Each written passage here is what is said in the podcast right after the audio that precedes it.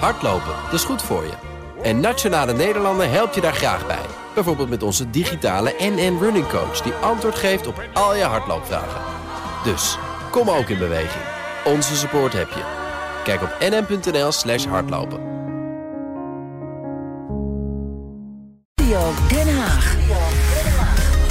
Sinds vanochtend kwart over tien debatteert de Tweede Kamer over de begroting die minister Kaag gisteren presenteerde. En nu is dat debat dus aan, aan de gang tijdens de algemene beschouwingen. Waar moet nog meer geld heen? Waar wil de Kamer wat minder zien? Dat wordt traditiegetrouw een latertje. Dus uh, politiek verslaggever Leonard Beekman drinkt alvast veel koffie, gok ik. En hij heeft alvast gezien dat één Kamerlid eigenlijk alle partijen beïnvloedt. Ha, Leendert. Hey, Lisbeth en Kees. Ja, de verwachting was ook dat deze algemene beschouwingen een echt uh, ja, officieel verkiezingsdebat bijna zouden worden. Is dat gebeurd? Daar ga ik ja en nee op antwoorden. Het is een hele tijd heel inhoudelijk geweest. Al merk je wel dat de politici. We hebben er nu pas vijf. Hè, uh, hebben we, de sprekers hebben we gehad. Van de 19, hè? Ja, van de 19. Maar goed, we hebben natuurlijk ook een hoop interrupties uh, hebben we nog voorbij zien komen. Maar de verkiezingen zitten bij iedereen wel in het achterhoofd. Hoor. Dat merk je wel bij de bijdrage. Maar het is een tijd lang echt inhoudelijk geweest. Uh, moet ik wel zeggen, Klaver kwam, uh, kwam net als spreker bij het spreekgestoelte. En toen werd hij direct aangesproken door Wilders en door Van der Plas over het wachtgeld van Timmermans, waarmee hij nu campagne voert. En wat Klaver er dan van vond, ja, dat is natuurlijk echt direct. Gaat dat over de verkiezingen. Hmm.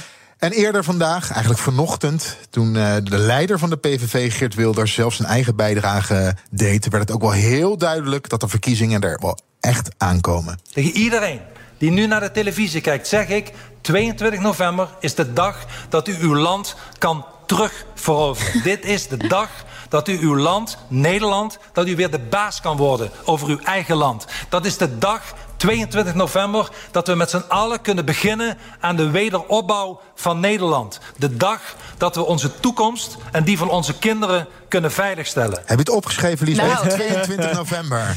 Maar ja. hij uh, slaat wel op dezelfde trom, hè? Er is niet een soort uh, nieuwe taal bijgekomen voor hem. Nee, en uh, de vraag was vanmorgen ook eventjes... is de heer Wilders nou milder geworden? Nou, mijn analyse is nee. nee. Het, uh, hij is niet milder geworden. Maar goed, dat waren de verkiezingen. Het gaat vandaag ook veel over de bestaanszekerheid. Zeker, want er ligt nu een pakket van 2 miljard euro... om de armoede te bestrijden. Dat zal niemand ontgaan zijn. Links... Uh, SP, Partij voor de Dieren, Denk, Volt, Bijeen, GroenLinks, Partij van de Arbeid vindt het nog iets te mager. Ze willen Bijvoorbeeld dat het minimumloon nu al verhoogd wordt. En uh, de SP van Lilian Marijnissen gaat zelfs nog een stapje verder. Fundamenteel andere keuzes maken. Korte termijn, minimumloon verhogen en de kosten voor het dagelijks leven verlagen. Bijvoorbeeld, het net al even met meneer Paternotte over... de kosten voor het OV, we zouden het BTW kunnen schrappen. Eigen risico afschaffen, de prijzen van de energie maximeren. En voorzitter, na de, na de verkiezingen zullen we moeten gaan bouwen aan een economie... waarin de werkende klasse en waarin gepensioneerden hun eerlijke deel krijgen. Een flinke wensenlijst, al voor de verkiezingen, zoals je hoorde. Mm -hmm. VVD-fractievoorzitter um, Sophie Hermans zei in haar bijdrage... dat dergelijke maatregelen dat je die niet zomaar kan nemen. Dit vergt wel een fundamenteel debat en een aantal fundamentele keuzes. Ook in hoe je dat gaat betalen. En ik vind dat niet wat we nu even vandaag en morgen hapsnap moeten doen. Ik vind wel dat we goed moeten kijken met elkaar. Wat kun je nou voor 2024 nog doen? En daar sta ik voor open. Daar ben ik toe bereid. Maar daar zeg ik wel bij. Het komt naast wat we doen voor de laagste inkomens, vinden wij dat er ook iets moet gebeuren voor die hele grote groep mensen in Nederland. die dat hele normale inkomen verdienen. en die ook aan het einde van de maand denken. Moet ik interen op mijn spaargeld? Moet ik gaan bezuinigen? Krijg ik het nog wel rond? Ja, dus niet hapsnap. Wel iets voor de middeninkomens. Daarover zometeen meer. Mm. Uh, maar ze zegt dus ook, op het moment dat je naar de bestaanszekerheid wil kijken, dan moet je daar op vooruit plannen. Hè? Dat, is, dat kan je niet zomaar heel makkelijk kan je zo'n besluit nemen. Dat heeft onder andere met toeslagen te maken met het fiscaal stelsel. Maar volgens GroenLinks Partij van de Arbeid, Jesse Klaver dus, is er helemaal geen tijd voor om nog langer te wachten. We hebben geen tijd. Er was misschien ooit een tijd waarin we zeiden: een kabinet is demissionair, we wachten op de volgende verkiezingen. Er is geen tijd. Het later staat mensen aan de lippen in Nederland. Ze houden het niet meer vol. En dat betekent niet dat we nu incidenteel weer een beetje pleisters moeten plakken voor volgend jaar, maar moeten doorpakken. Minimumloon verhogen, zorgen dat het openbaar vervoer betaalbaar blijft. De sociale zekerheid eerlijk maken. Dat is aan deze Kamer. Zij zijn demissionair. Zij zijn afgetreden. Wij niet. Deze hele Tweede Kamer niet. Wij 150 niet. En dat is waar ik u op aanspreek. Nou, dan zullen we even kijken naar het verhogen van het minimumloon. Of daar een meerderheid vandaag of morgen voor gaat komen. Dat kan ik je nu nog niet vertellen. Het lijkt me eigenlijk niet. Maar bijvoorbeeld het goedkoper maken van het openbaar vervoer. Ja, daar zie ik toch wel langzaam een meerderheid voor Oké. ontstaan in de Tweede Kamer. Oké.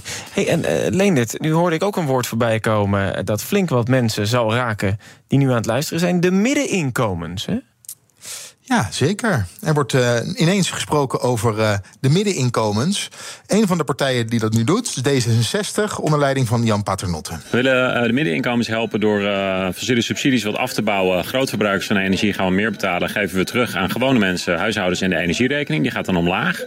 Eh, we willen de arbeidskorting verhogen. Dat betekent dat mensen minder, meer geld overhouden, minder belasting betalen als ze werken en een middeninkomen hebben. En willen wat doen aan de kinderopvangtoeslag. Dus dat is goed voor de ouders die kinderen op de kinderopvang of de BSO hebben. Ja, en zoals ik je al zei, ook de VVD, Sophie Hermans, maakt zich druk over die middeninkomens. Als we kijken naar iets extra's, dat we niet die hele grote groep mogen vergeten. Die middeninkomens, die het ook zwaar hebben. Die niet onder die definitie van armoede vallen eh, waar u het over had. Die niet in die aantallen vallen waar u het net over had. Maar die net zoveel stress hebben aan het einde van de maand. Die zich net zoveel zorgen maken over, weet je, wat gaat er gebeuren als ik nog zo'n hoge energierekening op, mat, op de deurmat krijg. Die, die voor, voor hun werk afhankelijk zijn van die auto. En denken, ja, straks in januari 20, 21 cent per liter erbij. Dat is niet niks. En ik vind dat we daar ook oog voor moeten hebben. Dat is waar ik hier voor sta en waar ik hier voor knok vandaag en morgen. Ja, het terugdraaien. Hè, of eigenlijk het vasthouden van de verlaging van de accijns op brandstof. Dat Ja. eh, gaat per 1 januari gaat dat verhoogd worden. De SP is daar ook voor om eh, in ieder geval die verlaging in stand te houden. Hè, want niet iedereen kan. Eh, sommige mensen zijn gewoon afhankelijk van hun auto. Eh, maar er zijn ook bezwaren. D66, Partij van de Arbeid, GroenLinks, Volt, Partij, eh, Partij voor de Dieren. Die zeggen van ja, dat gaan we niet doen. Eh, maar ondanks dat, ineens in het debat hebben we het ook over de middeninkomens. Het, zijn niet, het zijn niet alleen de mensen die in, die, in, die groep vallen... en die Ja. onder de armoedegrens terechtkomt. Maar nu is het half zes bijna, Ja. Leendert. Er moeten nog heel veel sprekers komen. Ja, hoe kansrijk zijn de voorstellen vanuit de Kamer? Nou, voor de lagere prijzen aan de pomp is er een Kamermeerderheid. Goedkoper OV, zoals ik al zei, lijkt dat me ook het geval. Oké. Ehm, maar het is nog maar de vraag of het voorstel voor het eh, hoger minimumloon het gaat halen. En de grote vraag is ook, hoe ga je het dan betalen? De VVD wil de rekening namelijk niet neerleggen bij het bedrijfsleven. Er ligt een heel aantal voorstellen wat partijen in de afgelopen dagen in de krant voor een camera gedaan hebben. En er liggen ook voorstellen over hoe dat te betalen. Um, en daar zit een bezwaar uh, bij een heel aantal van die dekkingsvoorstellen voor de VVD. Omdat dat één op één lastenverzwaringen voor ondernemers zijn. Want het is heel makkelijk gezegd. En het klinkt heel sympathiek om te doen alsof het allemaal grote bedrijven zijn die vervuilen, die lawaai maken, die oneindig veel winst maken en dat allemaal in hun eigen zak steken. Maar als je de lasten voor ondernemers gaat verhogen, dan raken we ook gewoon die hele normale midden- en kleine bedrijven in Nederland. die keihard werken dag in dag uit. waar heel veel mensen in Nederland uh, een baan hebben en hun inkomen vandaan halen. Ja, en dan is het wel een belangrijke vraag, die dekking. Want je moet namelijk een meerderheid in de Kamer hebben. Dus D66 wil iets doen voor die middeninkomens. Ja. Maar zij willen het doen door grote bedrijven te belasten en vermogenden. Ja, en daar willen ze bij de VVD niks van weten. GroenLinks, Partij van de Arbeid, wil wel in gesprek met D66. Maar Paternotte zei al, ja, we hebben wel grenzen aan hoe, hoe ver we de lasten willen verhogen voor bedrijven en van vermogenden. Ja, dus ze zullen toch bij elkaar moeten gaan zitten en moeten kijken waar kunnen we elkaar nou precies vinden. Maar in ieder geval voor de VVD is het onbespreekbaar om de lasten verder te gaan verhogen. Nou, jij zit nog wel even bij dat debat. Waar ga je vanavond nog meer op letten? Pieter Omtzigt. ja, oh. dat is. Uh, dan moet je lang wachten, uh, Leendert. Ja. ja. zeker. De 18e spreker. En uh, er is nu ook nog even geschorst aan de vijfde spreker. Dus we hebben nog een maaltijd. Nee, het gaat echt nog heel lang duren. Maar ik kijk, ik kijk uit naar Pieter Omtzigt. En waarom nou? Omdat we zien vanaf het moment dat Pieter Omtzigt zijn eigen partij heeft aangekondigd, dus nieuw sociaal contract, dat hij bepalend is geweest, zowel voor het uh, politieke als het publieke debat.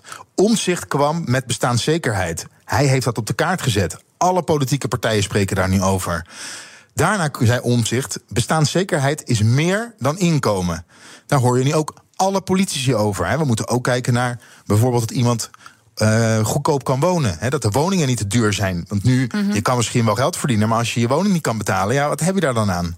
En gisteren op Prinsjesdag begon Omzicht ineens over de middeninkomens. En kijk eens bij tijdens het debat. Het gaat over de middeninkomens. Dus ja, op dit moment is Omzicht in Politiek Den Haag echt alles bepalend wat mij betreft. Overdrijft misschien een klein beetje, maar hij is in ieder geval agenda z- zettend. Als Omzicht iets zegt, zie je dat andere politici... Die gaan daarop reageren. Zonder, die gaan erop reageren, de Ja. luisteren daarnaar en nemen het voor een deel ook over. Ja, zonder dat hij dus zelf al aan het woord is gekomen. Dus jij vindt Omtzigt eigenlijk de influencer van Den Haag op dit moment? Ja, en heel Den Haag kijkt ook naar hem. En je merkt ook, op het moment dat Omtzigt bijvoorbeeld naar de interruptiemicrofoon loopt... meestal ook met een papiertje in zijn hand... eh, dat iedereen even oplet. Zowel de Kamerleden, K, dus eh, waar de ministers zitten... als de journalisten op de publieke tribune. Iedereen voelt, er gaat iets gebeuren. En dat komt natuurlijk ook omdat Omtzigt vaak met een bijdrage komt. Dat is niet een... Hij komt niet met een eigen verhaal dat hij per se wil vertellen... maar hij komt eigenlijk een misstand aan de kaak stellen. Met een papiertje erbij, cijfers... Ja.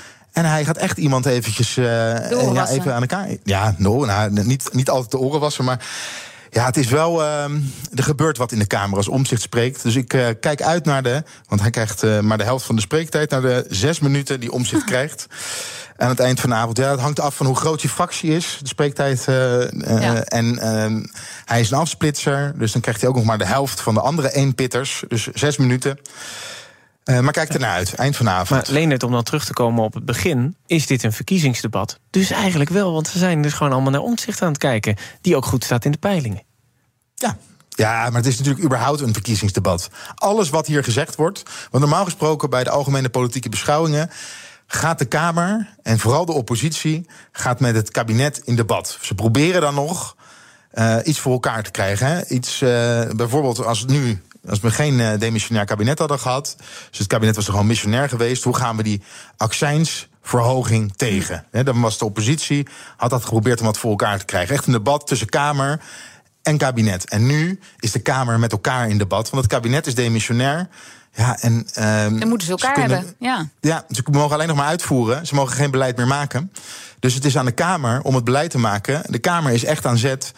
En dus op dit moment is het altijd al, maar zeker nu, het machtigste orgaan in Nederland. Leendert Beekman, dankjewel. En eh, hou vol daar in Den Haag. Hardlopen, dat is goed voor je. En Nationale Nederlanden helpt je daar graag bij. Bijvoorbeeld met onze digitale NN Running Coach... die antwoord geeft op al je hardloopvragen. Dus, kom ook in beweging. Onze support heb je. Kijk op nn.nl slash hardlopen.